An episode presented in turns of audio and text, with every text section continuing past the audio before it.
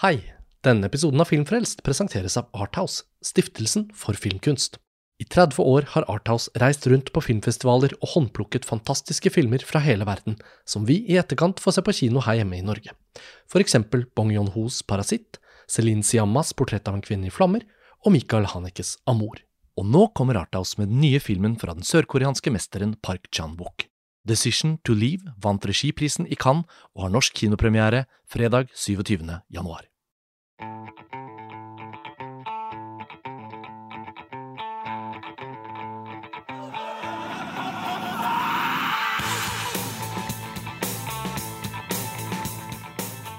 Hei og velkommen til en ny episode av Filmfrelst, podkasten til montasj.no. Jeg heter Lars Ole Kristiansen og sitter her over Skype sammen med vår Oscar-ekspert Mats Halvorsen. Velkommen tilbake til Filmfrelst. Hei, hei, hei.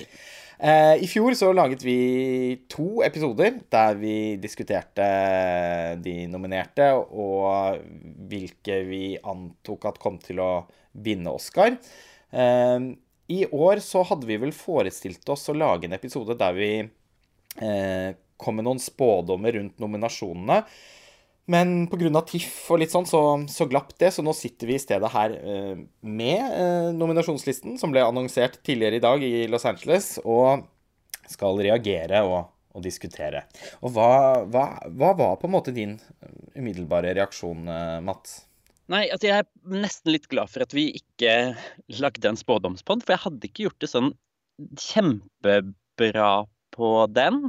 Um, men allikevel så sitter jeg jo litt igjen med et inntrykk av at det var ganske mye her som var som forventet. Og det blir det jo gjerne fordi det er så mange andre prisutdelinger, og, og det liksom skiller seg ut noen favoritter i ganske mange kategorier etter hvert. Så når man sitter der og følger nominasjonsopplesningen, så er det de små overraskelsene som gir mest spenning og reaksjon.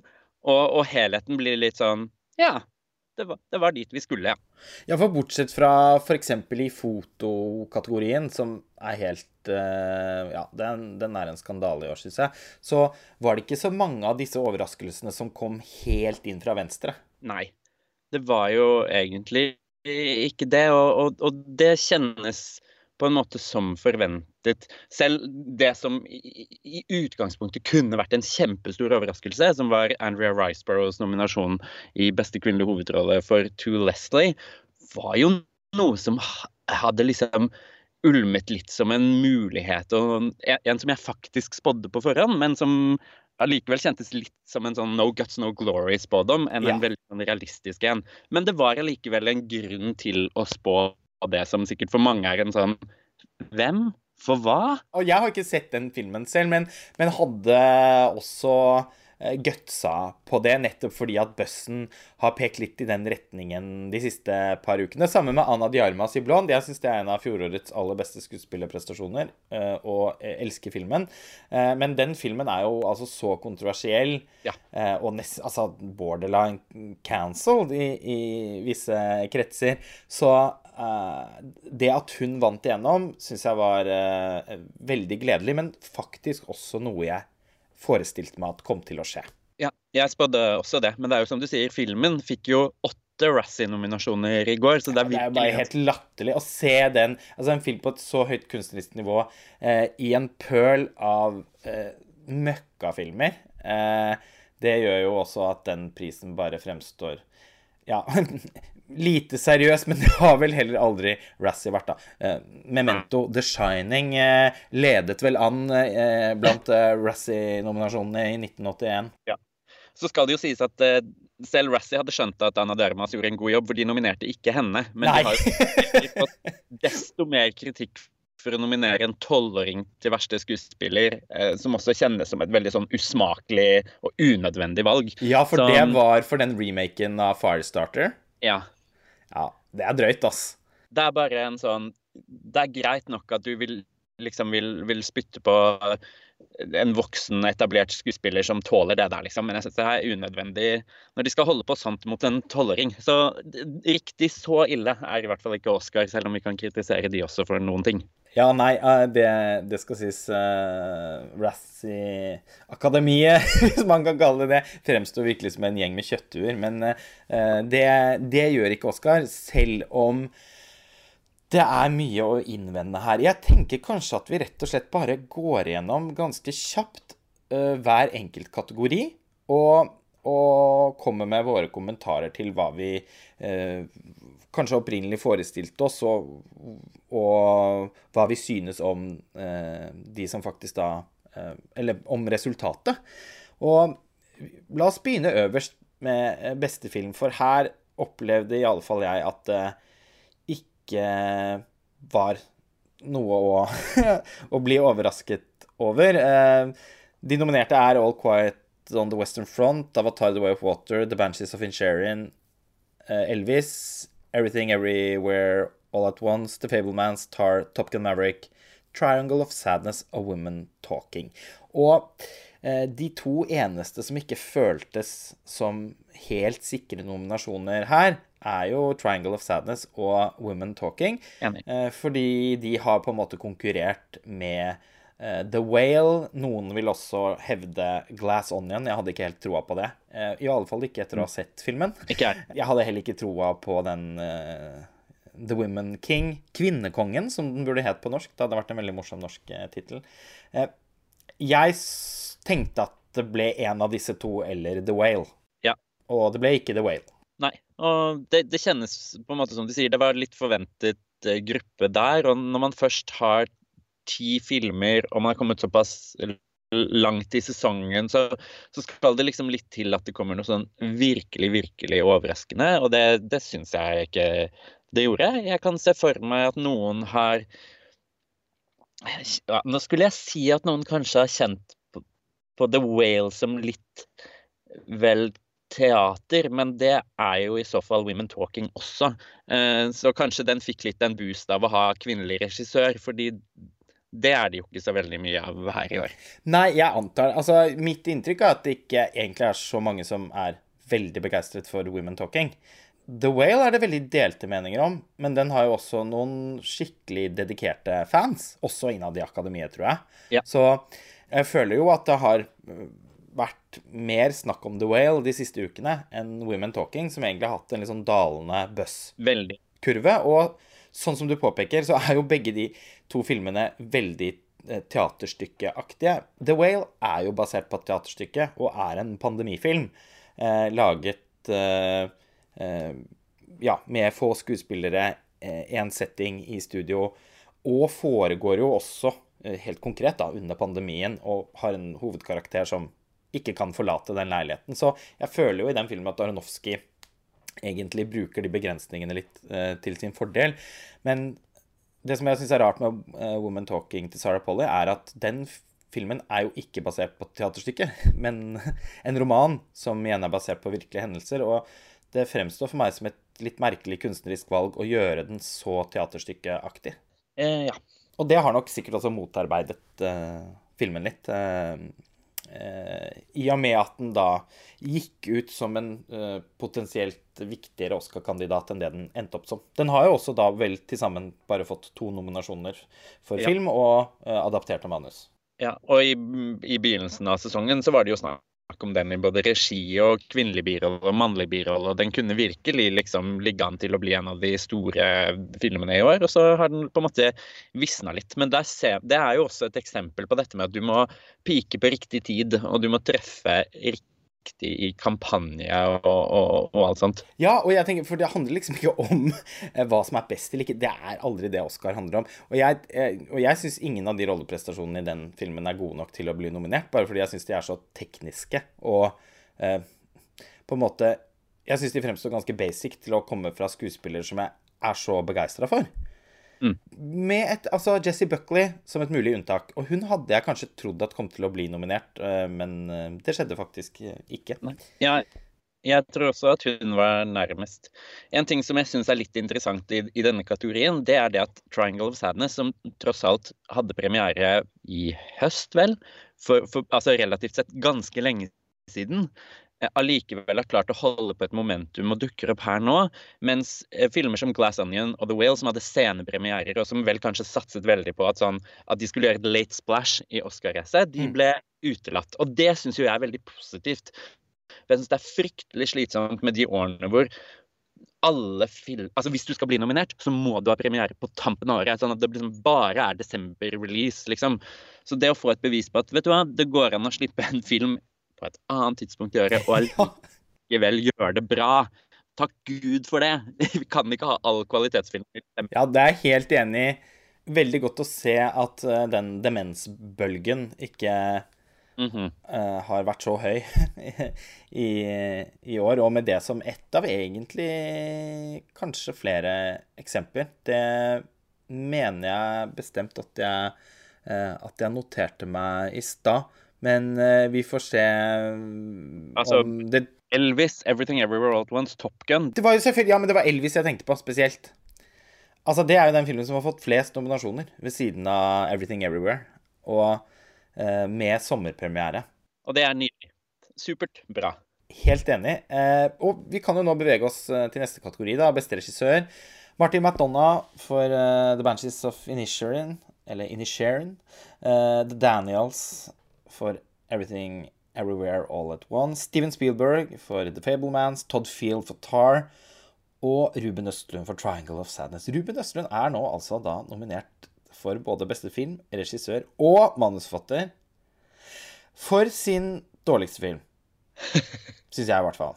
Det er den eneste Ruben Østlund-filmen som jeg ikke Eller nei, jeg har innvendinger mot et par av de andre òg, men jeg er i utgangspunktet kjempe-Østlund-fan.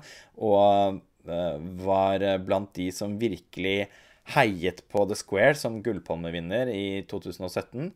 Eh, I år så var jeg nesten sur altså under visningen av Triangle of Sadness i, Cannes, for jeg syns den var så on the nose og så eh, overtydelig og platt. Eh, og da, ettersom jeg tenker på Ruben Østlund som en mester på å gjøre ganske subtil, nyansert satire som, som handler om små detaljer. Mm. Eh, og særlig da eh, med den svenske kulturen og det svenske språket som utgangspunkt, så ble også alt det bare helt lost in translation for meg når han da eh, går over til eh, å lage en engelskspråklig film. For meg var den et mageplask. Men den vant Gullpalmen, og nå er den eh, nominert til flere eh, tungtveiende Oscar-priser. Ja.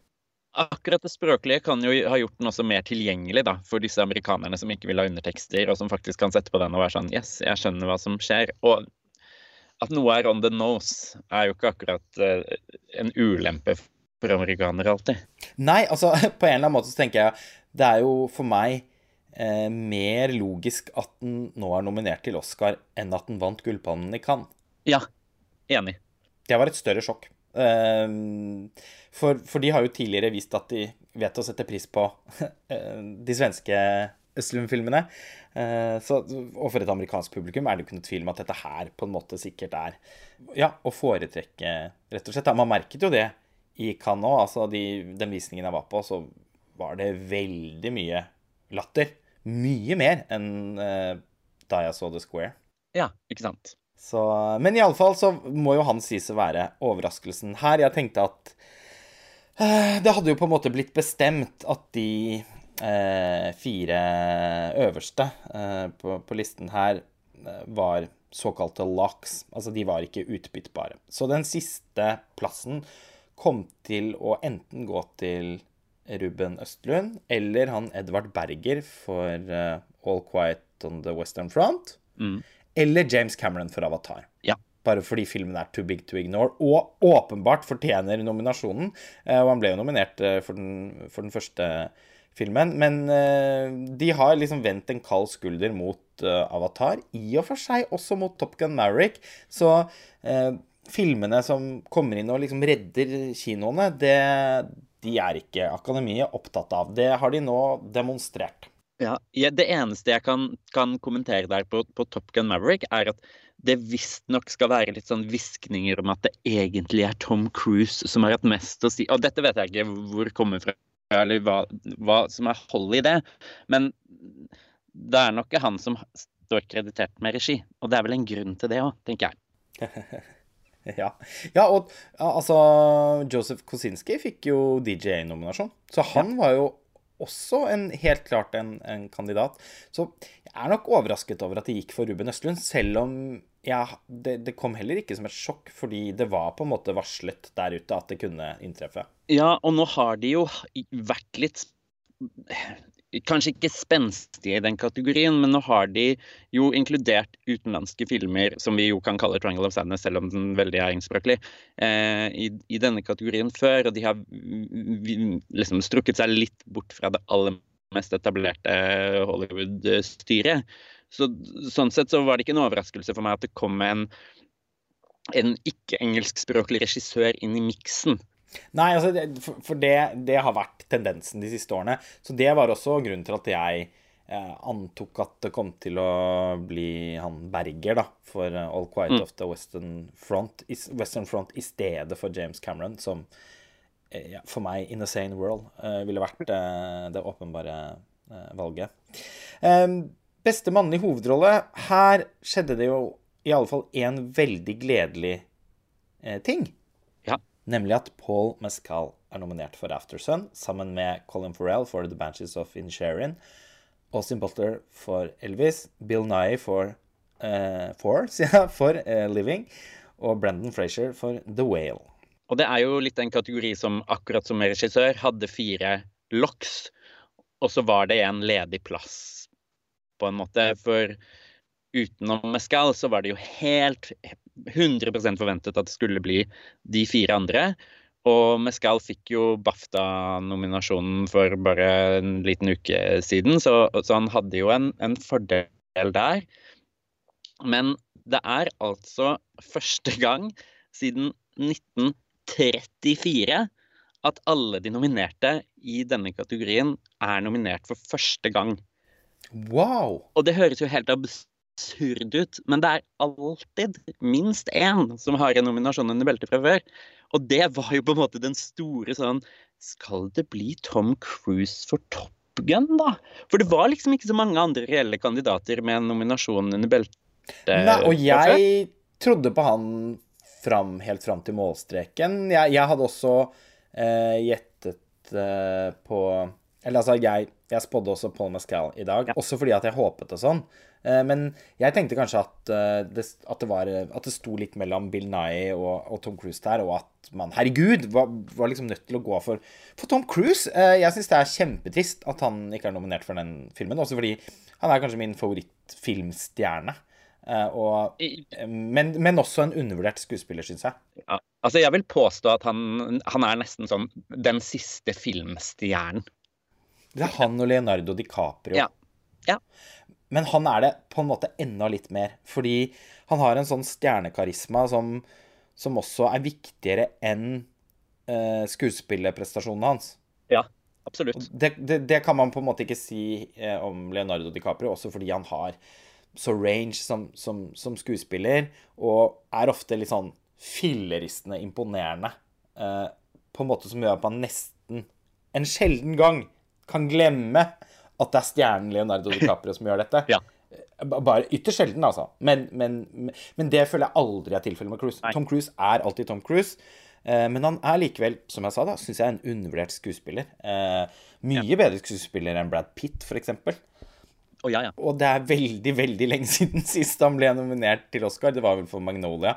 Og det var vel da kanskje hans andre nominasjon etter 4. juli. Ja, det er riktig ut. Så uff, det, det var etterlengtet. Og jeg, jeg, ble litt sånn trist av at det ikke skjedde, altså. Ja, litt. Men så, så syns jeg det er veldig vanskelig å, å ikke unne de fem gutta der nominasjonen. Enten fordi at jeg syns de kanskje skulle vært nominert før, sånn at det gir mening, eller også at jeg Sånn som Colin Farrell, da. Det er jo ja. sjokkerende på en måte at dette er hans første nominasjon. Ja, det høres jo på en måte feil ut. Eh, så ikke like sjokkerende det... med, med, Brendan Frazier.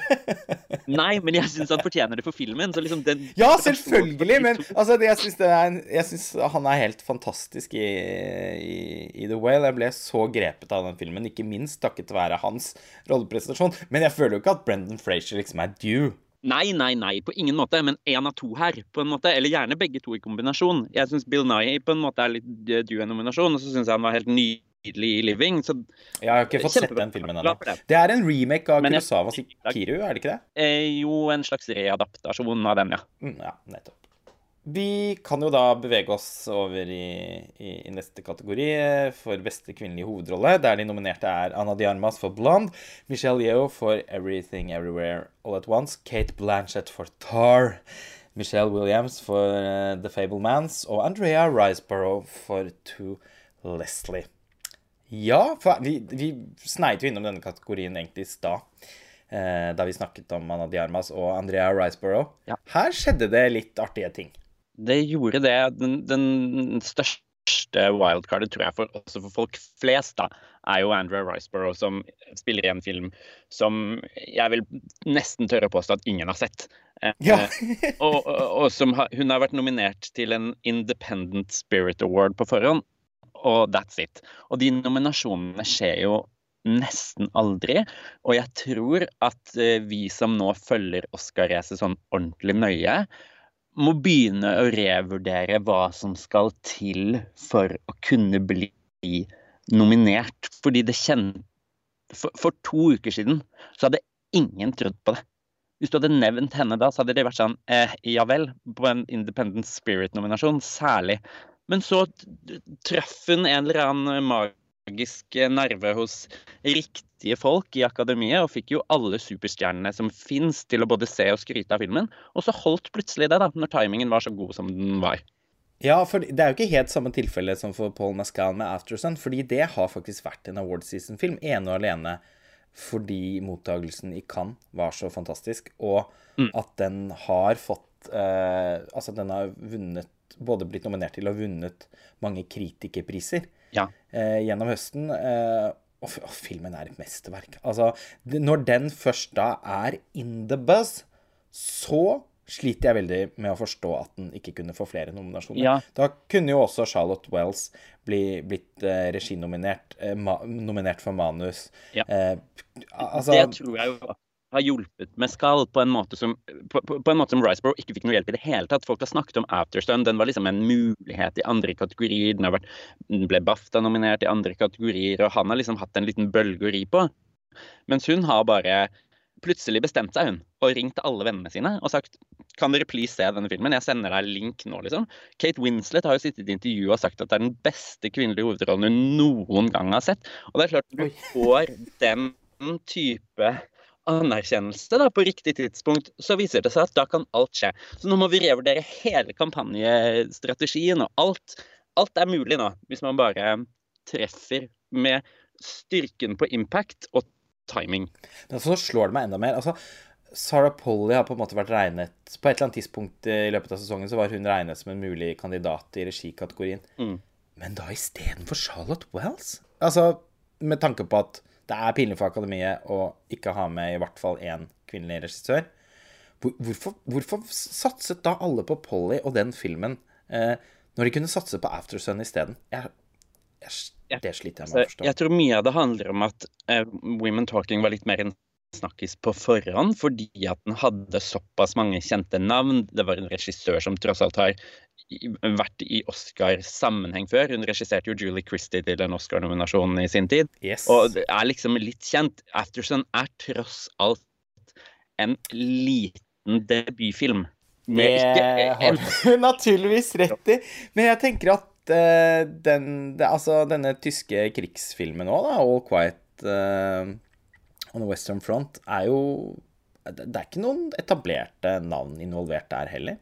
Nei, absolutt ikke. Men det er jo en readaptasjon av en roman som allerede er adaptert til en film som vant beste film i sin tid. Selvfølgelig. altså Erik Maria Remarque sin roman er jo eh, er noe veld... Altså, den har jo veldig mange et sterkt forhold til, da. Ja. Og det er lettere å, å se for seg Akademiet gi noen priser til en krigsfilm enn til et uh, lite familiedrama i Syden. Ja, altså jeg innser at båten min tar inn mye vann nå. Jeg måtte å, eh, Min kjærlighet for Aftersun er så sterk. Eh, og den skal heldigvis vare langt eh, ut i 2023, fordi eh, i Norge så har den jo kinopremiere i, i februar. Så Eh, det er en film som vi nok kommer til å snakke mer om på Filmfrelst i løpet av de neste månedene. Vi lagde jo da også en episode fra Cannes. Bare så det er sagt. Der jeg følte at alle blant montasjene utsendte syntes at det var festivalens suverent beste film, og mente at den burde vært i hovedkonkurransen og vunnet Gullpalmen der. Det har jo hendt at debutfilmer ja. gjør det. Hvis jeg skal komme med en liten kommentar til til akkurat denne kategorien som vi egentlig snakker om og har snakket oss litt bort fra, så er det jo at Michelle Williams altså klarte å, å karre til seg en nominasjon for The Fablemans, selv om hun hadde falt litt av ja. radaren nå. Og når man da Det er jo Og mange har jo tenkt at hun burde vært i birollekategorien ja, man følte jo veldig når nå de andre store nominasjonene tikket inn uten henne, så var liksom sånn ah, ah, ah Der gjorde du en tabbe, du skulle gått forbi det. Men ja. hun landa der til slutt. Så, ja, men hun har jo ikke kjangs til å vinne, da. Altså, I birollekategorien så ville jo hun og Angela Bassett kanskje kunne vært i duell. Ja, det er sant. Det, og det er litt eh, Jeg er spent på hva Akademiets omdømmeekspert, eh, som jeg regner med de har, sitter og tenker når de nominasjonene nominasjonene blir lest opp, og det er Andrea Riceborough og Michelle Williams inn, Viola Davis og Daniel Deadwiler ut. For det er jo, de bytter ut eh, to svarte med to hvite. Eh, og de har vært opptatt av, av uh, inkludering og, og, sånn tidligere. Tydeligvis ikke det nå, men jeg syns også det er interessant er å se ja. at både Till og The Woman King var litt sånn Det er disse to damene eller ingenting.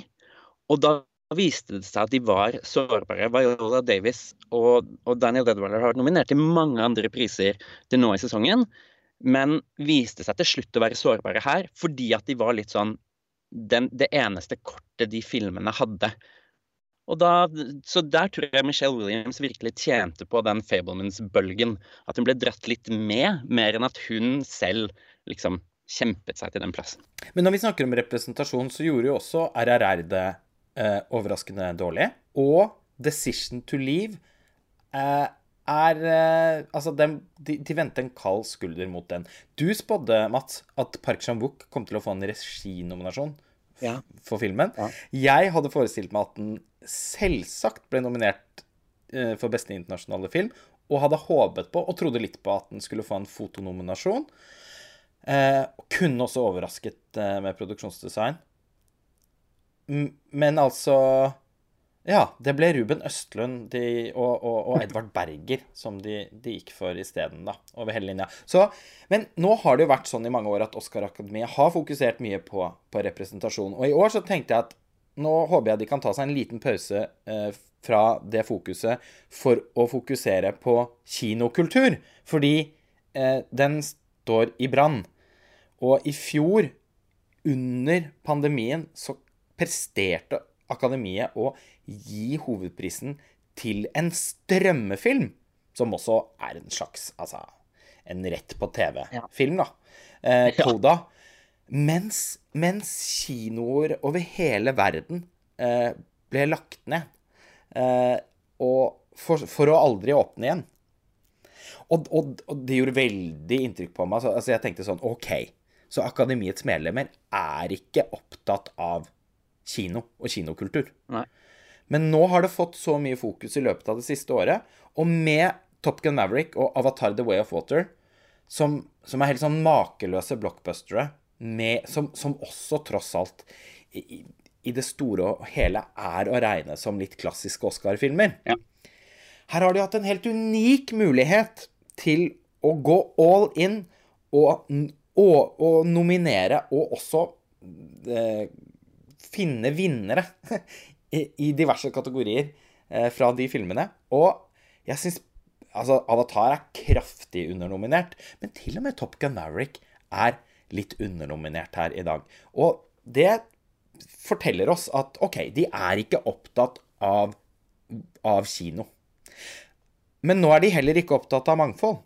Og de er i hvert fall ikke opptatt av filmkunst, det vet vi jo fra før av. Så hva er de opptatt av da? Nei, det er et godt spørsmål. Det, det er vanskelig å, å, svare på, egentlig, fordi man skulle jo tro at det var de tre kanskje viktigste ting ja, ja, de viktigste tingene de burde være opptatt av. Ja. Men uh, Ja, kanskje de er mest opptatt av strømming, da. Men uh, Netflix har heller ikke gjort det særlig skarpt uh, i år, da. De har jo vært veldig dominerende i opptil flere prissesonger. men ikke i så stor grad i år. Men med noen unntak, da, inkludert denne tyske krigsfilmen. Ja.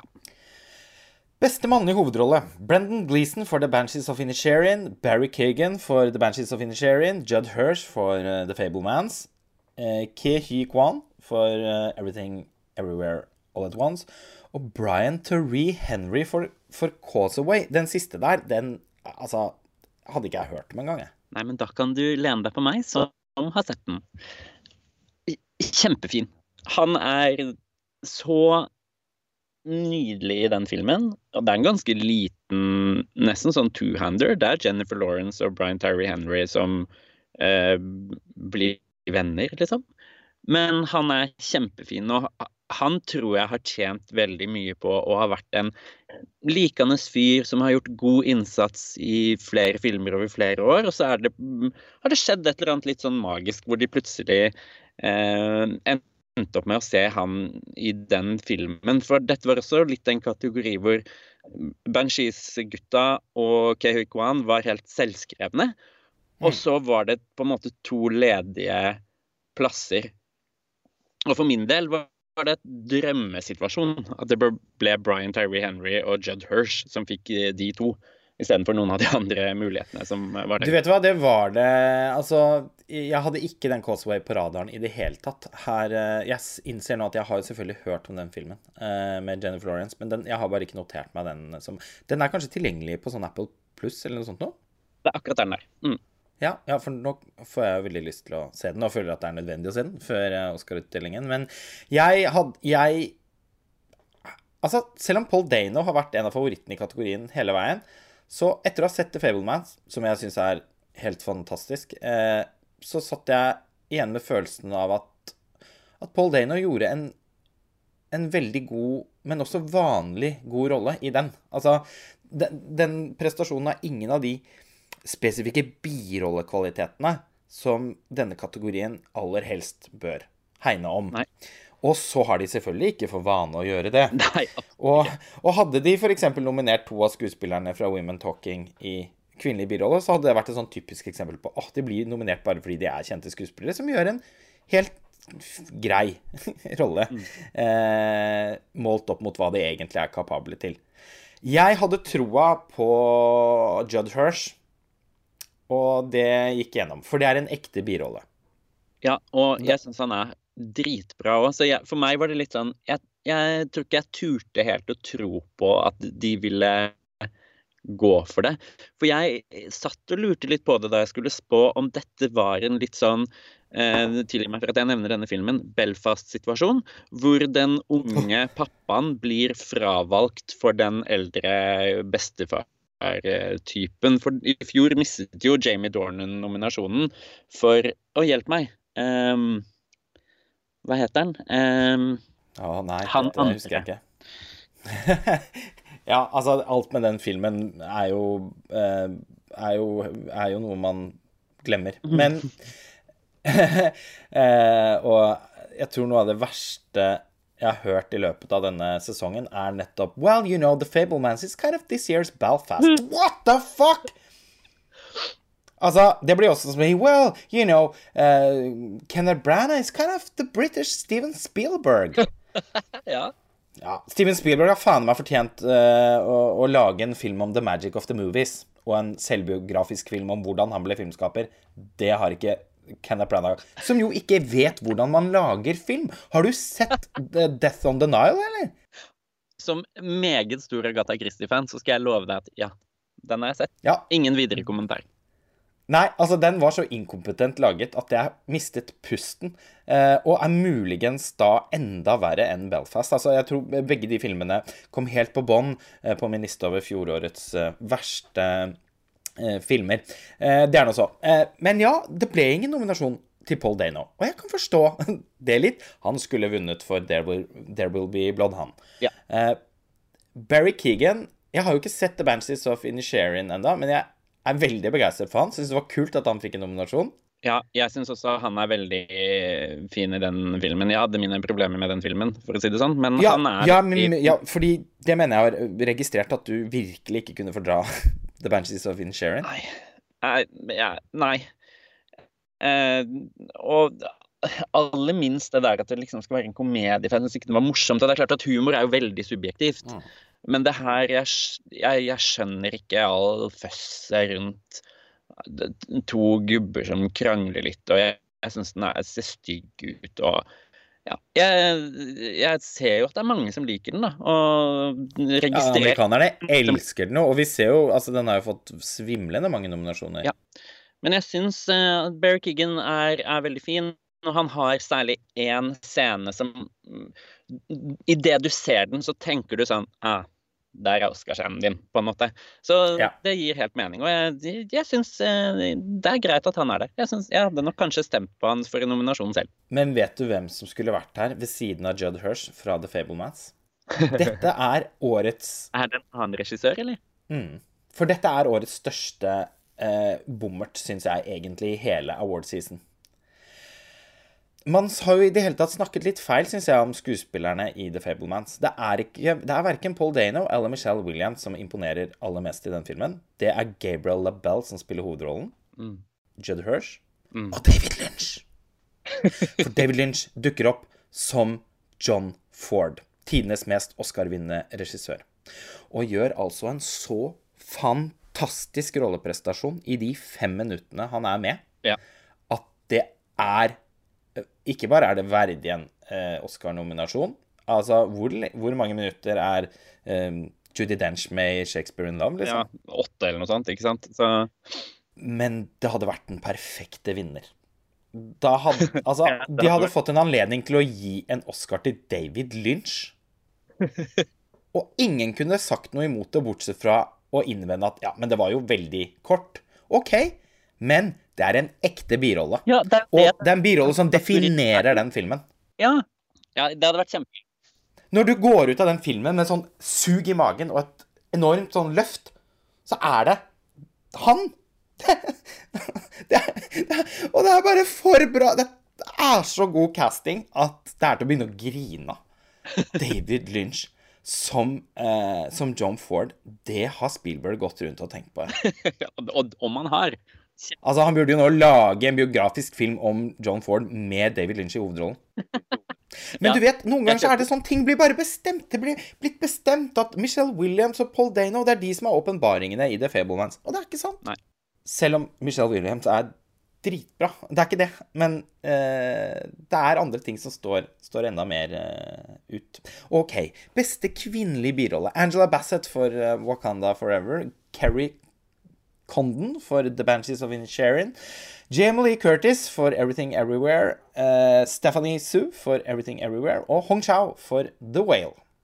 Her er det uh, mye mangfold, da, i hvert fall. Ja, der er de godt. Og det er den eneste mm, Jeg hadde Dolly De Leon i Triangle of Sadness istedenfor Stephanie Sue i spådommene mine. Så mangfoldet led ikke noen nød der, eh, på en måte. Men jeg må si at jeg er litt overrasket over at Triangle of Sadness faktisk endte med tre nominasjoner, men ikke eh, Dolly De Leon. Men så ser man jo her også effekten for Stephanie Sue av å være en del av den mest nominerte filmen i år. For da eh, Hun har jo for all del eh, fått mye oppmerksomhet også tidligere sesongen og vært en het eh, kandidat.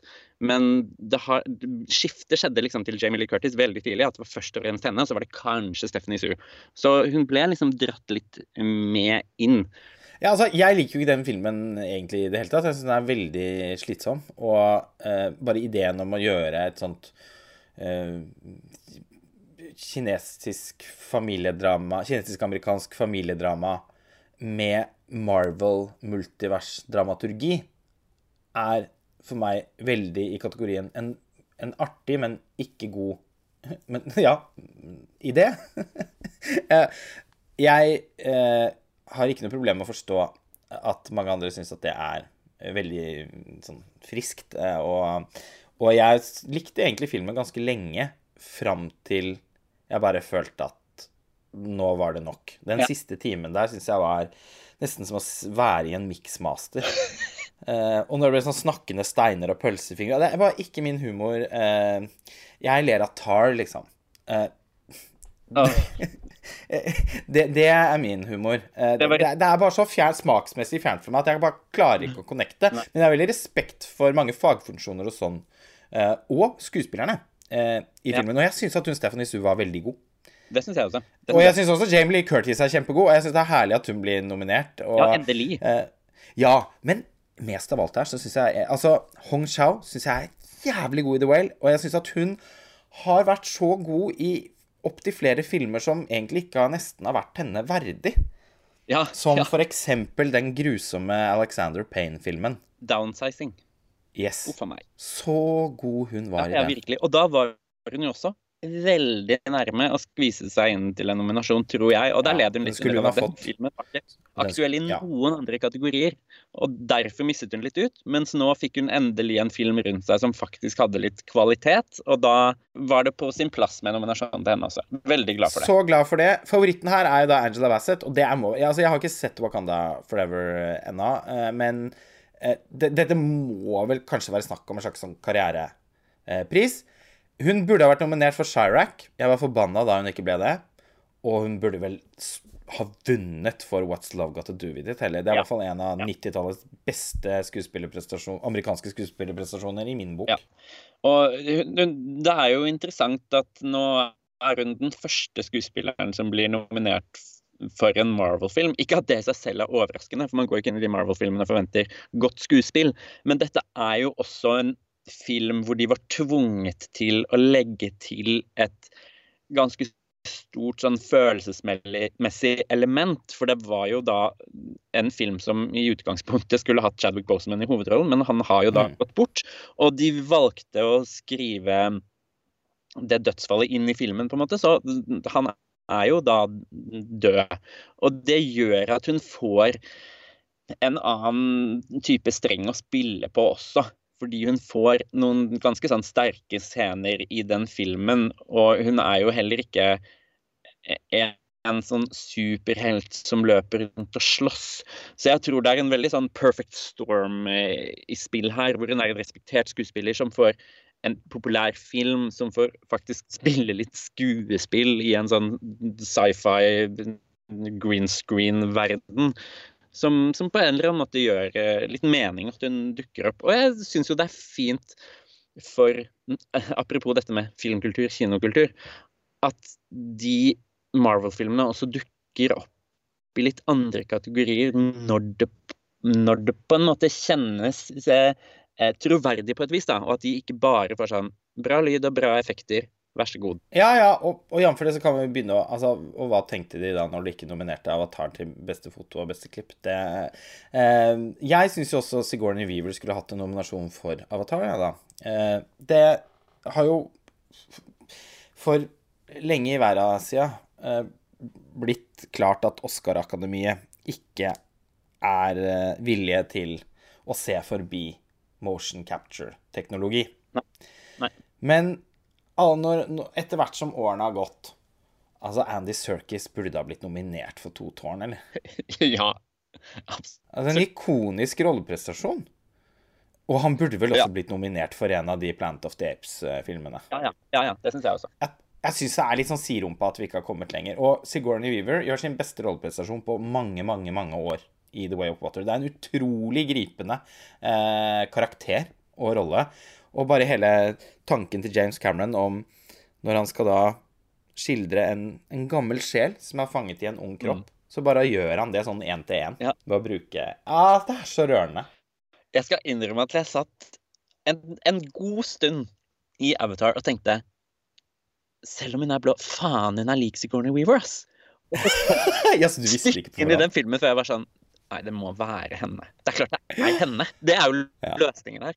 Så jeg, der ble jeg av en eller annen grunn lurt av denne aldersgreia. Men eh, jo, jeg, jeg er enig, hun er jo kjempegod. Det er veldig, veldig rart og godt levert. Ja, og jeg, jeg, opplever altså Målt opp mot eh, noen av de andre nominerte her òg, på en måte egentlig, så er hun jo så Altså, hun er jo så sjelfull i den Det er virkelig en uforglemmelig og bra karakter Som, ja, som vi nå absolutt kommer til å se mer til, da, i og med at Avatar er i ferd med å bli tidenes fjerde mest innbringende film, og skal eh, da ikke bare få én eh, oppfølger til, men tre.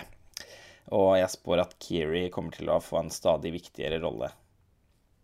Eh, beste adapterte manus, eh, All Quiet on the Western Front, Glass Onion, Living Tom, Cru Tom Cruise, ja! Top Gun, Maverick. Tom Cruise Maverick. Og Woman Talking. Her regnes vel fortsatt Woman Talking som uh, en favoritt. Uh, ja. Selv om jeg ikke helt kan forstå det, da, i og med at jeg er så kritisk til at Polly har valgt å adaptere en roman til å bli et filmatisert teaterstykke. Det ligger jo ikke bare i iscenesettelsen, uh, men også i manuset. Ja, ja, men jeg er enig i at den er en slags favoritt når den nå først også klarte å bli nominert til beste, beste film. Um, men, men, bortsett fra det så var det jo en ganske sånn forventa kategori. Jeg hadde nok uh, lurt inn The Whale der også, som Ja, men jeg, jo... jeg, trodde på The Whale her, og jeg, jeg ville jo blant Altså hvis det var alle disse jeg hadde å velge mellom uh, Ja, nå har jeg ikke sett uh, et par av de, da. Men eh, så, så, ville The Whale vært min favoritt. Jeg syns at er, den er veldig godt skrevet, og en veldig vellykket adaptasjon av et teaterstykke. Ja, her, her, får man jo den litt sånn rare ved at Glass Onion er jo egentlig ikke adaptert fra noe som helst, men den tvinges over i denne kategorien fordi det er en oppfølger. Ja. Um, og det er en litt sånn rar Oscar-regel som bare er, er der. Uh, den eneste rollefiguren som dukker opp igjen, er jo Daniel Craigs uh, detektiv. Så det kjennes jo litt sånn Er det nok, liksom? Men sånn er nå de reglene, da. Ja, åpenbart. Eh, og herregud, altså Glass Onion Jeg ble vel egentlig litt skuffet over den filmen. Jeg syns i hvert fall ikke den var i nærheten av å være så god som, Knife, som Knives Out. Men den er jo artig, altså i og for seg liksom artig skrevet og oppfinnsom. Jeg vet ikke, her har jeg bare ingen favoritter. Eh, jeg er spent på å se den Living. Mm. Og Top Gun Maverick i all ære. Det er på en måte ikke i denne kategorien. jeg, altså, da kunne de jo nominert Avatar også, som tross alt er ja. mye mer originalt uh, på et Ja, sånn på idéplan, i hvert fall. Ja, ja. Det kjennes jo helt bananas at Top Gun er nominert for manus, men ikke foto. Og ikke Tom Cruise. Altså, ja, det er litt, altså. Uff, ja, vi kommer snart til de aller mørkeste kategoriene. Jeg tror også vi skal hoppe litt over noen av de aller smaleste, yeah. bare for å komme i havn her. Men uh, ja, neste er jo da selvfølgelig kategorien for originalmanus, og der er det The Banshees of Inisherin. Uh, Everything Everywhere All At Once. Åh, oh, det er så mange vanskelige titler å si i år. jeg kjenner at tungen min sliter. Uh, The Fablemans, Tar og A Triangle of Sadness. Og her er jo da The Banshees of Inisherin og Everything Everywhere All At Once på en måte ansett for å være uh, favorittene. Hvilket jeg syns er helt utrolig når, uh, når, Tar er nominert. Altså, den filmen er så godt skrevet at det, det er jo det, det, det, den, Dette er bare fint. Ja, jeg blir, altså, jeg blir helt Jeg blir lost for words. Uh, jeg er også bare lost for words fordi at jeg ikke har sett Tar ennå. Det er liksom mitt store i år. Det er et enormt amerikansk mesterverk. Eh, altså Ja, jeg syns det er liksom en av det blir en av tiårets beste filmer for, for min del. Åh, hjelpes meg. Jeg gleder meg altså så mye at uh, ja. ja. Den vasker helt gulvet med, med de fleste av de andre filmene som i det hele tatt er Men jeg, jeg er veldig glad for faktisk da, at den ble så løftet i dag. Den fikk, tror jeg, seks eller syv nomin seks nominasjoner eller noe sånt nå. Mm. Som jo var det, det, var jo nesten mer enn forventet. Det var i hvert fall ikke forventet at den skulle bli nominert for foto. Og jeg vet ikke helt om jeg tenker at jeg syns at den Altså, jeg syns den, den, er bedre fotografert enn flere av de andre som er nominert. Men jeg ville jo nok likevel ikke valgt den der. OK. Men den ble vel også nominert for beste klipp. Det syns jeg er kjempefortjent. Og den burde jo vært en soleklar frontrunner for beste originalmanus, men fordi verden er opp... Ja, men, og det sier jeg da, selv om jeg ikke har sett The Banshees of Sharon. Men jeg har jo sett de tidligere filmene til Martin McDonagh, og vet veldig godt at eh, det er ikke nødvendigvis noe for meg. Nei det, ikke, nei, det er ikke min kopp, det heller. Så Eh, Jeg syns for øvrig også at The Fablemans har et utrolig bra manus. Og jeg syns det er imponerende at Spielberg har skrevet det selv, sammen med han Tony Kushner. da. Men uh, det er jo Spielbergs første originalmanus siden Close Encounters. Så Ja. Uh, ja, den hadde jeg også vært fornøyd med som vinner. Men likevel, altså jeg bare føler Her er det bare Tar Ja. for meg. Men den vinner jo ikke. Uh, Det blir vel sikkert The Banshees of Inisherin. Det skal vi uansett disk... Altså, hvilke vi antar kommer til å vinne i de forskjellige kategoriene, det blir jo da tema for neste episode. Ja. Best dokumentar. All That Breathes, All the Beauty and the Bloodshed, Fire of Love, A House Made of Splinters og Navalny. Eh, All the Beauty and the Bloodshed vant jo Gulløven i Venezia, og var i alle fall på en måte selvskreven her. Noterte du deg noen store overraskelser? Nei, dokumentardelen av akademiet har jo hatt litt sånn for vane å snøbbe frontrunneren av en eller annen grunn. De, de kommer til De har fulgt en hel sesong hvor alle er enige om at dette er den beste dokumentaren, og så sier de haha, nei. Så jeg trodde egentlig at Fire of Love skulle misse i dag, så ble det istedenfor Moon Age Daydream. Og det eh, høres litt ut som en sånn De er ikke så glad i sånne rene arkivdokumentarer av en eller annen grunn. Så for meg var på en måte overraskelsen i gåsetegn A House Made of Splinters. Um, men det var ikke helt bisarro, det heller, liksom. Jeg syns det er en ganske sterk kategori basert på at jeg har sett to av dem. Beste internasjonale film, All Quiet on the Western Front, Argentina 1985, Close, EO og The Quiet Girl. Her er det jo eh, granatsjokk, da, i at Decision to Leave ikke er nominert. Ja, det var overraskende. Altså, jeg kan ikke tro det. Men de sy den er vel for kompleks, da, på en måte, og for Eller for intrikat. Ja. Eh, ikke vet jeg. Eh, ellers så var det jo ingen overraskelse. Altså, det sto jo da mellom den og denne The Quiet Girl. Jeg, jeg hadde ikke mine villeste fantasier forestilt at eh, det, ja, at det ikke ble Parkfilmen. Så jeg har ikke noe å påpeke egentlig utover å si det. Nei, det eneste jeg kan- tillegge, er at jeg har hørt veldig mye om fotoet i denne EO, som visstnok skal Ja. være kjempebra. Og jeg tror den Ja, det har jeg òg. Den ser eh, Altså, traileren til den filmen ser veldig Ja, uff, jeg er skikkelig lei meg for at jeg ikke rakk å se den i Cannes i år. mm. Eh, beste animasjonsfilm Guillermo del Toros Pinocchio. Marcel the Shell With Shoes On. Puss in Boots, Turning Red og The Sea Beast. Her gikk det vel også omtrent som forventet. Eh, Pinocchio er en soleklar eh, front, frontrunner. Ja. Og en veldig flott film. Jeg var ikke fullstendig blown away, jeg må jeg innrømme, men eh, jeg likte den veldig godt. Ja. Marcel de Shell er en sånn skikkelig sånn LOL-snakkis, og alle gråter og Jeg har ikke sett den, jeg er spent. Altså, jeg kjørte fra Kristiansand til Oslo ens ærend for å rekke den siste visningen av den filmen på Oslo Pix.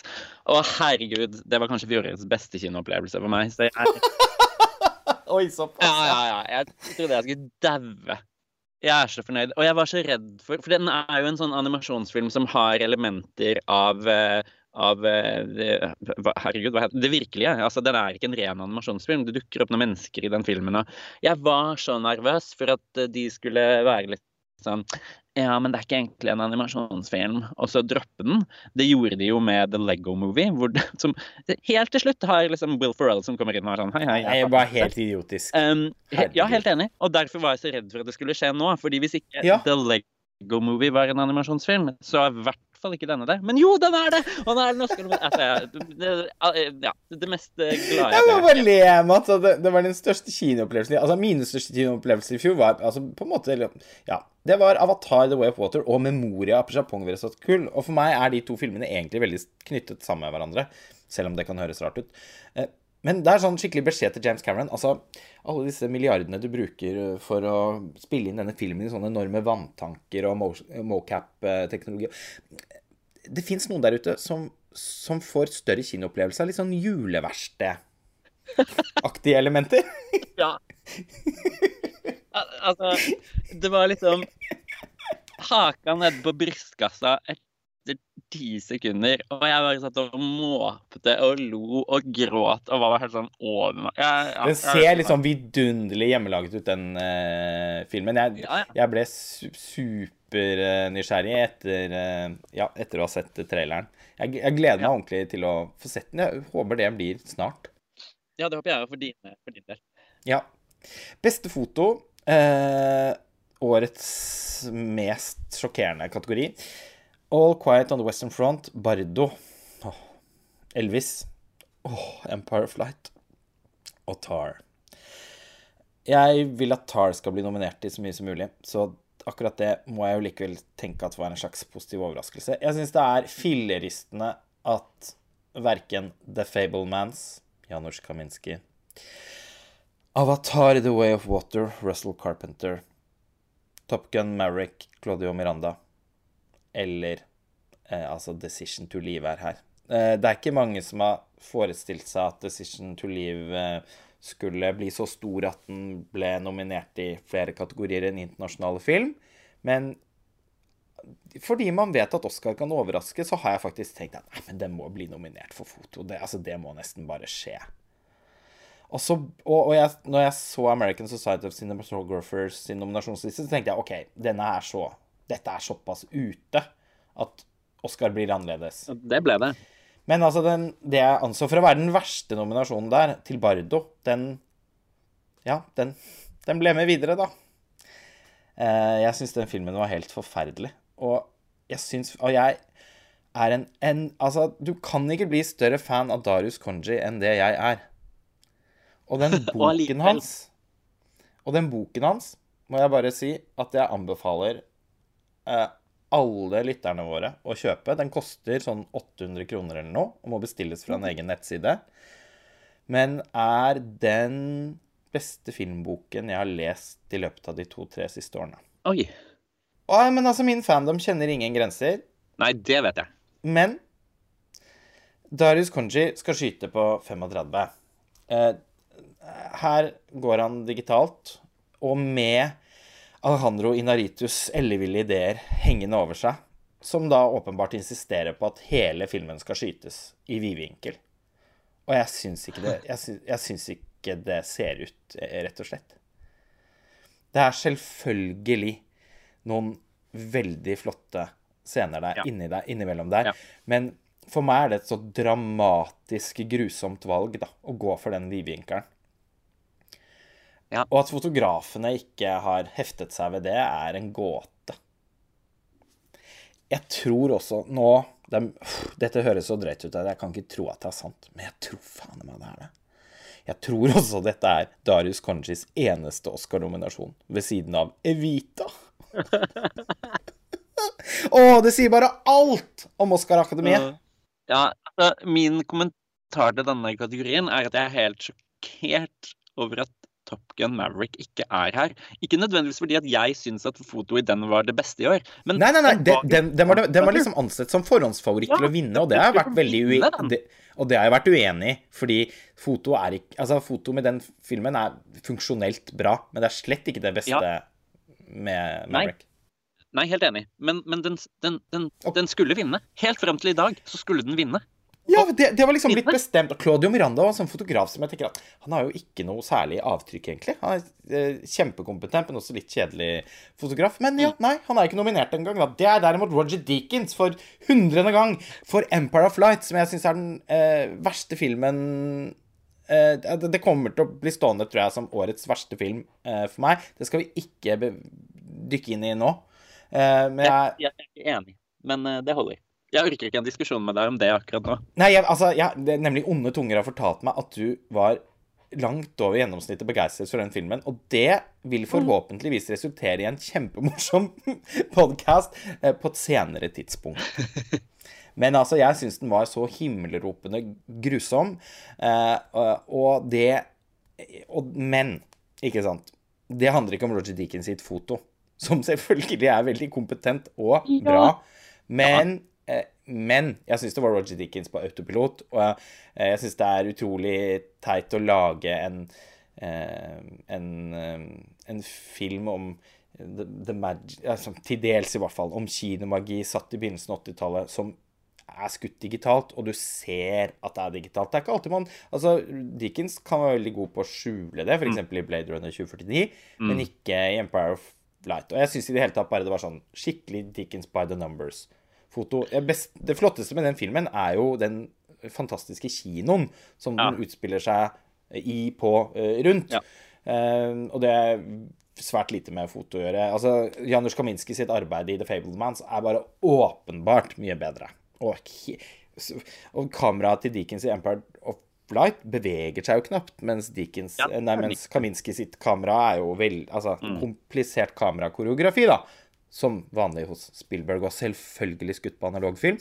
Men eh, fotografene liker jo Det vi, husker jeg vi snakket om i fjor også, Mats, at mm. fotografene liker jo ikke å stemme på analoge arbeider, fordi de fleste av dem jobber digitalt selv. Og i år er det ingen analoge filmer som er nominert. Nei, og jeg, jeg har liksom tenkt sånn opp igjennom at jeg kan skjønne at mannen i gata ikke nødvendigvis er forskjell på digitalt og film, fordi de, de tenker ikke engang over den forskjellen.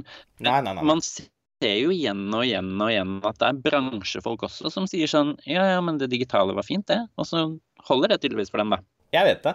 Eh, men jeg tenker at hvis det da eh, når, når fotografene åpenbart er mest opptatt av digitale arbeider, og på en måte innovasjon, da, snarere enn ja, ja. Eh, å, å, skyte på analog film, da er det jo desto mer utrolig at de ikke nominerer Russell Carpenter for Avatar The Way of Water. Ja. Hva skjedde der? Altså, du, hva, hva, hva, hva tenker du om dette, Mats? Hvis du liksom En vanlig person som bare sånn, men som akkurat er der at hun eller han skjønner hva man mener liksom med filmfoto og klipp, da. Hvordan, hvordan, tror du en vanlig person ville reagert på at Avatar ikke var, den, ikke var nominert til foto? Det, altså det, eneste jeg kan tenke meg, er at de ikke helt skjønner på en måte fotodelen i noe som så åpenbart eh, er på en måte skapt eh, i, i effektstudio i tillegg. At det er vanskelig for dem å se at, at, at, det er kamera. At de er litt sånn her har du sitt, Denne er lagd på en datamaskin. Men det kan man i veldig Men altså, det, altså, det, det gjelder ganske mange kamerainnstillinger i Elvis òg, f.eks. Eller Uansett, jeg bare føler liksom at jeg, Jo, men jeg, går... jeg, tror mannen i gata syns det er lettere å se at der er Austin Butler, der er Tom Hanks. Se, selvfølgelig. Er, selvfølgelig.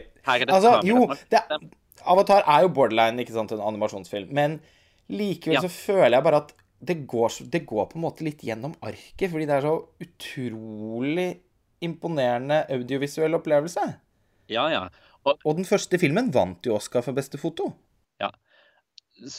Som en sånn et, altså for å si det sånn, Denne kategorien er på ingen måte et frieri til den allmenne kinogjengeren. Fordi de har sett Elvis, og resten av disse filmene har de ikke hørt om engang. Nei.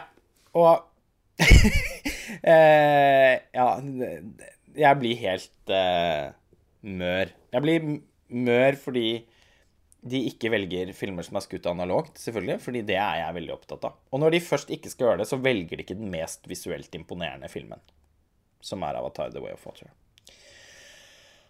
Beste kostymedesign Babylon, Black Panther, uh, Wakanda Forever, uh, Elvis, Everything Everywhere All At Once og Mr. Harris Goes to Paris. Uh, som vanlig så nominerer de ikke kontemporære kostymer.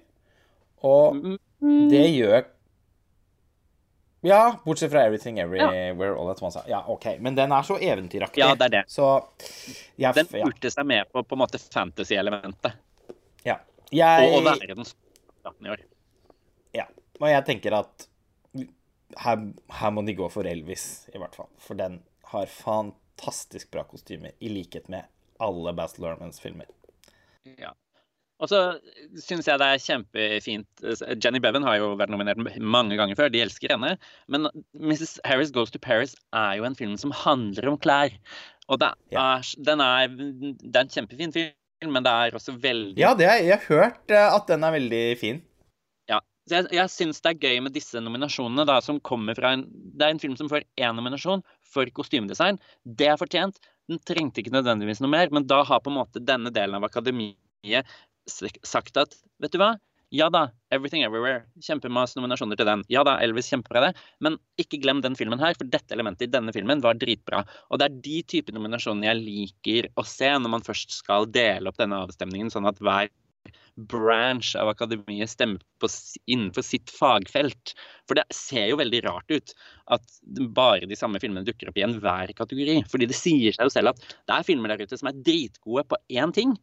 Og da liker jeg at de blir anerkjent, de også. At ikke de må være en sånn mastodont med 100 nominasjoner. Ja, og det ødelegger jo så mange av kategoriene eh, mm. hvert eh, eneste år. Men så følte jeg jo før at man kunne slå seg litt til ro med at sånn er Oscar, på en måte. Men nå har jo Oscar åpnet sånn opp. Ja. Eh, så nå vet jeg ikke hva det er lenger. Og den identitetskrisen den føler jeg ble helt komplett i år, jf. det vi snakket om tidligere. med sånn, OK, nå er det ikke fokus på mangfold, det er ikke fokus på eh, kinokultur. Det er som vanlig ikke fokus på filmkunst. Ja, hva, hva, hva er det da? Eh, de har rotet seg fullstendig bort. Men OK, vi må fortsette. Jeg syns at The Fablemans burde vært nominert for beste kostymer. Og er veldig forbauset over at det ikke inntraff. Beste klipp The Banshees of Inisherin, Elvis, Everything Everywhere All At Once, Tar og Top Gun Maverick. Jeg syns det er en skandale at Avatar The Way of Water ikke er nominert. Jeg vet hvorfor. Det er fordi den er så lang. Ja. og, og, og, mange opplever at filmen er for lang. Jeg er ikke enig i det. Men den siste halvannen timen der, som jo mer eller mindre er en sammenhengende actionsekvens, er så filleristende bra klippet at det er på en måte sett som på Eisenstein-nivå. uh, James Cameron er en av verdens beste klippere. Uh, han klipper jo selv, sammen med et team. Og han var jo absolutt nominert uh, for den første filmen. Men den var jo litt kortere, da. Så ja. jeg tror det bare er det som altså, ja, ja. Men jeg blir jeg kan, jeg kan, ikke forestille meg at The Banshees of Insharin er mer imponerende klippet enn Avatar. Nei, men, og det er den filmen som jeg syns Igjen da, uten å ha sett Tar, Banshees of Inisherin er den filmen som skiller seg ut her som en sånn film hvor jeg ikke helt skjønner at klippen har imponert noen nok til at man stemmer på den. Everything Everywhere All At Once har jo noen veldig sånn klippete sekvenser hvor det er veldig tydelig Man, man ser så Det er sånn klippete-kloppete film, og det elsker de jo. Ja, de, det er jo derfor er... filmer som Altså fantastisk bra klippete filmer som There Will Be Blood og Brokeback Mountain, for eksempel. Dylan Tickner en av verdens beste De var, de var sjanseløse pga. at ingen legger merke til klippingen. Nei. Med mindre man er veldig opptatt av det. Og det er den jeg ikke helt skjønner i Banshees of Inisherin. Fordi det er en litt sånn mer saktegående film. Det er veldig sånn snakkete, men uten at det er sånn der snippet i snapp-snakking, liksom. Så det at de har funnet plass til den, det tror jeg utelukkende skyldes at den er en av favorittene til beste film. Og da De har en tendens til å dukke opp i den kategorien her uansett. Ja, de kan bare ikke få nok av den filmen. Jeg syns jo det er en tragedie at Michael Khan ikke er nominert for The Fablemans. da. Det, Den så jeg ikke komme. Han hva er regnet for å være de to beste klipperne i moderne filmhistorie? Ja, det er vel som regel Thelma Schoonmaker, Scorsese sin første klipper, og Michael Kant, Spielberg sin. Eh, og han er jo helt på slutten av karrieren og samarbeider jo nå med, eh, med Sour Ja, uansett. Eh, den er veldig, veldig bra. Veldig, veldig bra klippet, den filmen. ja. Det kjennes veldig rart at Steven Spielberg har laget en, den filmen han har gjort, om nettopp det å lage film. Og så har man vært litt sånn Meh. på en del av disse kategoriene som er sånn Ja, men det er jo, det er jo dette som er film. Ja, fotoklipp. Tenk at den skal Altså, ja, det er opp-ned-verden. Kjempeglad for at Tara er nominert. Det syns jeg er skikkelig fortjent. Elvis, altså jeg, ble så glad av å se Bass Lerman returnere til sånne frenetiske montasjer og split screen-sekvenser at uh, Topp. Helt topp, tenker jeg. Eh, men uh, de som har noe å, å innvende mot filmen, kan jo også løfte fram at den er litt sånn kaotisk organisert. Ja. Men det er et heftig arbeid, i, i alle fall. Um, Everything Everywhere. All At Once er jo altså, Det er jo så mye in your face-klipping der, men jeg syns jo egentlig den filmen da er litt sånn umusikalsk satt sammen.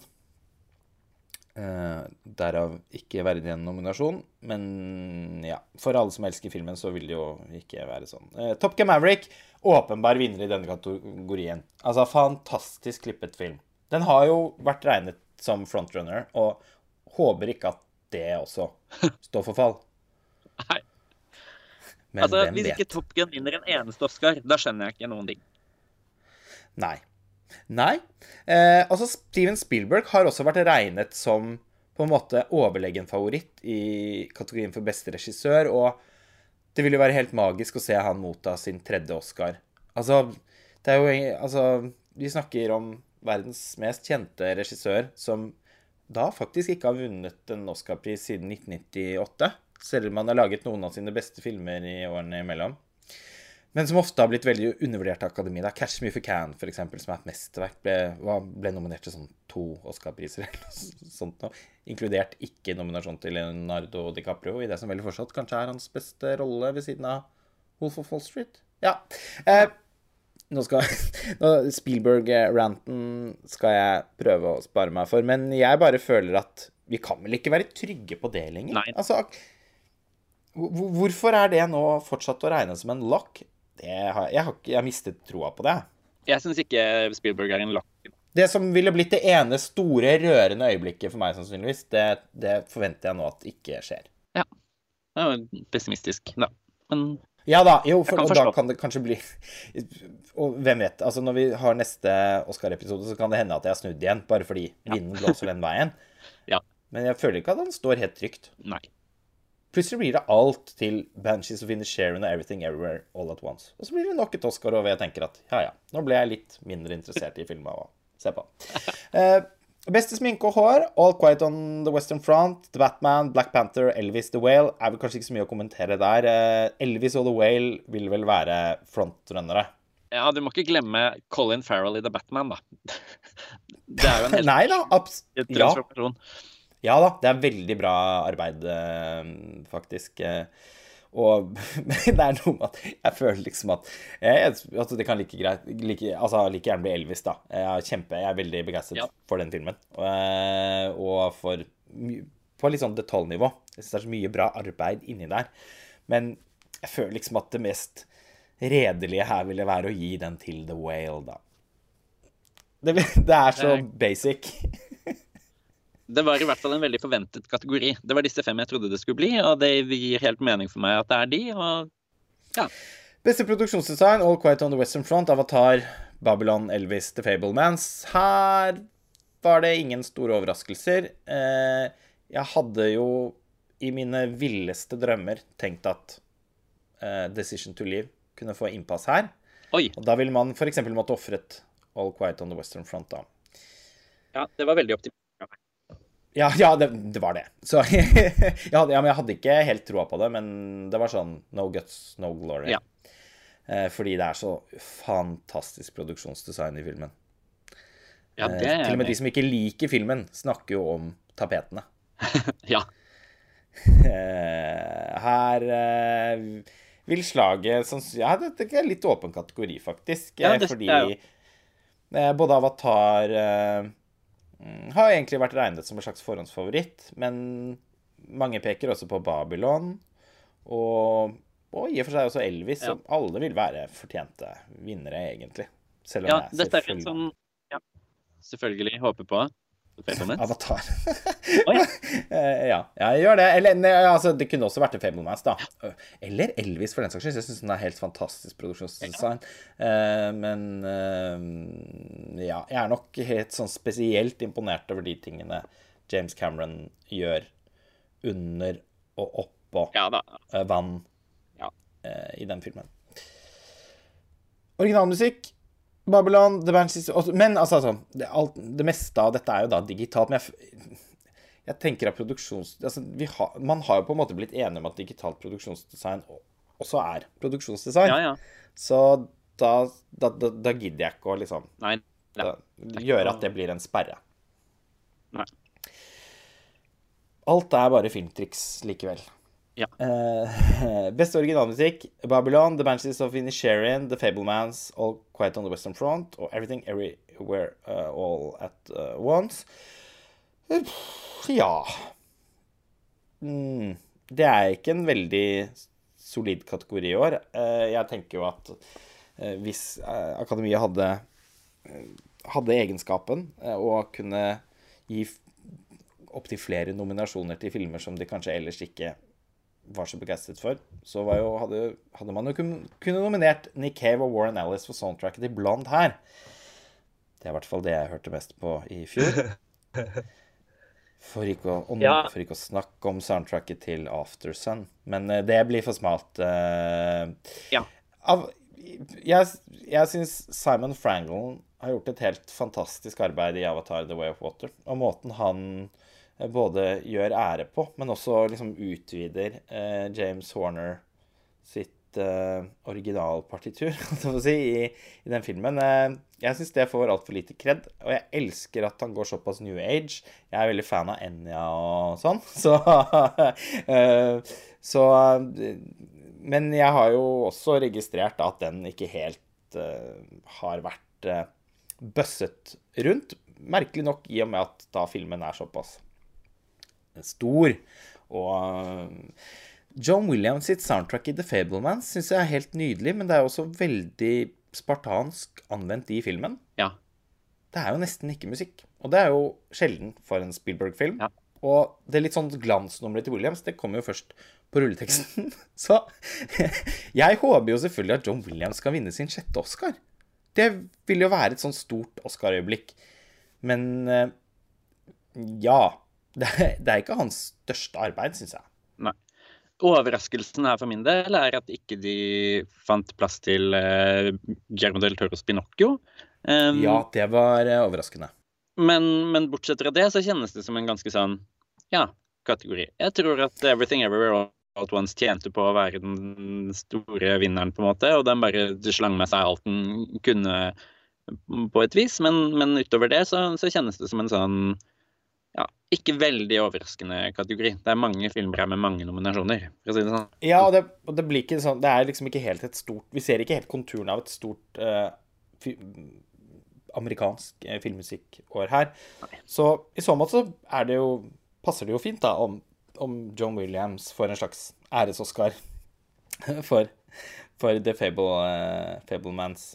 Ja, og apropos æres-Oscar, skal vi gå til originalsangkategorien? Ja, altså åh, eh, Ja, her tenker jeg vi har en suveren vinner. De som er nominert, er Black Panther, Everything Everywhere, RRR, eller RRR, Tell It Like a Woman og Top Gun Maverick. Ja. Eh, jeg syns at den låten til Lady Gaga i Top Gun er ganske fæl. Og skulle da selvfølgelig Nå blir det jo bare ren komedie, men jeg skulle likt å bytte ut den med The Weekend sin låt fra Avatar isteden. ja. Fordi begge to er sånn skikkelig gammeldagse end credit-låter. Ja, men og det er, altså, Grunnen til overgangen min med æresoscar her er jo at Diane Warren får jo sin æres-Oscar i år. Og man tenkte jo litt at da skulle man slippe henne i denne kategorien, men nei. Og jeg spådde henne, fordi man kan aldri tvile på Diane Warren i denne kategorien. Hun er der hvert eneste år, og det er alltid for en rulletekstsang på en film som ikke noen har sett, og som ingen bryr seg om, og som sannsynligvis er dårlig. Nå må jeg sitte og se 'Tell It Like a Woman' fordi at hun er nominert, og det gjør meg så irritert. Jeg så Mila Kunis Glenn Close eh, narkodramaet 'Four Good Days' i fjor, bare pga. den dumme nominasjonen til Diane Warren. Er igjen.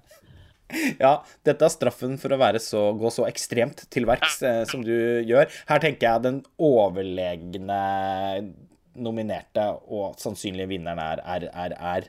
Eh, jeg syns den filmen er bare helt utrolig fet. Eh, og, og jeg hadde ja, så Hadde du spurt meg for en måned siden, så hadde jeg trodd at den kom til å få flere nominasjoner. Også fordi den er et sånn fantastisk eksempel på at en film som faktisk virkelig er fra en annen filmkultur, får Oscar-oppmerksomhet. Ja. Fordi eh, jeg er veldig lei av at mangfold bare skal handle om hudfarge. Eh, det handler om kulturforskjeller. Og ja.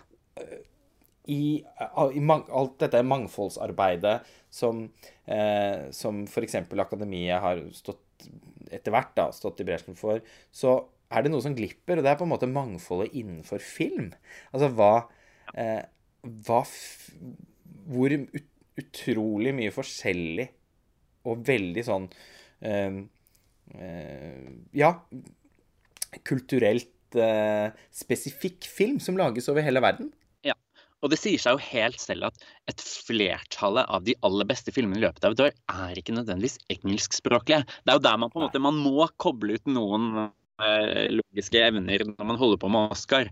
Fordi det, utvalget er ikke universelt på noen som helst måte.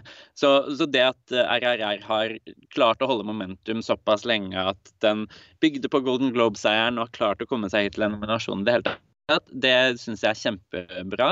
Jeg tror den kanskje Det er jo en litt utrolig film. Ja. Ja, tror de det? Men ikke, ikke Ja, altså filmen generelt. Ja, Ja, den pikket for ja. tidlig. Jeg Ja. tror at hvis man hadde stemt for noen uker siden, så kunne den ha dukket opp i noen flere kategorier også. Men eh, eh, kjempegøy at, eh, at de har klart å åpne øya sine litt og se forbi liksom de store kanonene og Diane Warren. Filmen er jo som en slags sånn indisk taken. Eh, Ja, igjen ultravoldelig hevnactionfilm ispedd eh, musikalnummeret. Og igjen, da, dette er jo en sang som faktisk, så vidt jeg har forstått, da, inngår i filmens handling og er en del av selve narrativet. I motsetning ja, ja, ja. til de fire sangene her, som er rene rulletekstsanger. Og jeg, sånn ja, sett så og en herlig låt. Uh, og det er så mye bra musikk uh, i filmen, og så mange minneverdige enkle sekvenser. Men det er også gøy å se at denne filmen her virker sånn immun mot en del kritikk som f.eks. blir rettet mot uh, Avatar eller Top Gun. Da, sånn da, sånn, veldig sånn arketypiske karakterer. Dialogen er litt sånn idéfattig. Historien virker veldig sånn velkjent. Eh, ikke så originalt, kanskje. Eh, ja, i RRR så er alt dette veldig sånn skjematisk og basic. Ja. Alt handler jo selvfølgelig om måten det er gjort på, Ja, ikke sant. eh, som også er tilfellet for Avatar, f.eks. Så Mm. der har de noe til felles. Eh, og begge eh, evner å vekke begeistring hos meg. Eh, ja. Nå eh, må vi straks eh, runde av her, eh, så vi får litt sånn eh, kjappe oss gjennom eh, de Ja. gjenstående kategoriene. Beste lyd, All Quiet on the Western Front, Avatar The Way of Water, The Batman, Elvis, Top Gun Maverick. Ingen store overraskelser her. Nei, det er de. Beste visuelle effekter, All Quiet on the Western Front, Avatar, Batman, Black Panther, Top Gun. Hvis ikke Avatar vinner denne prisen, så Men det gjør den. Eh, Ja, det, det, det blir vel dens eneste Den og eventuelt produksjonsdesign blir vel de eneste uh, utmerkelsene den Ja. kan ta med seg uh, hjem. Uh, beste her hmm? skal si én ting, er at det er liksom alltid en Marvel-film med. Og jeg er litt overrasket over at det ble Black Panther på ett vis, fordi at den har også en del undervannssekvenser som virkelig blekner i forhold til Avatar. Og at de da ikke på en måte Nesten av eliminasjonsmetoden så er det sånn Vann, da er det Avatar, ikke Wakanda Forever, men uh, den er nå der. Og det gir jo relativt sett mening, da den har noen andre store nominasjoner. Men jeg er likevel kanskje litt overrasket over at ikke det ble f.eks. Doctor Strange, selv om jeg ikke ellers har så mye til overs for den filmen. Så er det mye effekter i den. Ja, alle animatørers skrekk er jo vann og hår. Og uh, det er veldig mye uh, vann, og også ganske mye hår, og til og med vann på hår i Avatar The Way of Water. Og det ser fotorealistisk ut. Ja. Det er jo bare sånn helt uten sammenligning de beste spesialeffektene i filmhistorien. Og den føles jo som et sånt voldsomt kvantesprang. Altså, det var jo ikke noe sånn at Jeg føler ikke at det har vært en dramaturgi som har bygget opp mot de effektene sånn gjennom de siste ti årene. Uh, jeg, ja. Uh, den vinner. Beste animerte kortfilm The Boy, The Mole, The Fox and the Horse, The Flying Sailor, Ice Merchants, An Ostrich Told Me That the World Is Fake and I Think I Believe It, Uh, og My Year of Dicks. Her er det i hvert fall noen morsomme titler. Jeg har ikke sett noen av dem. Kjempemorsomme. Eh, kortfilmene pleier jo å være min kategori eh, når vi har den lange podden om dette også, og det kan godt være det nå også. Her har jeg sett The Boy, The Mole, The Fox and the Horse og My Year of Dicks. Førstnevnte gir helt fullstendig mening at det er nominert. Jeg over meg av begeistring over at de inkluderte of Dicks. Den syns jeg er kjempekul. Um, bortsett fra det, så har jeg ikke sett noen andre kortfilmer i år.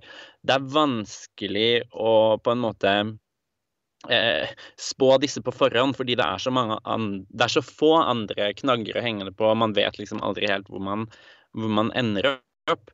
Eh, men, men, det viktigste nesten når man snakker om kortfilmene, er at vi har jo et norsk bidrag i år. Ja.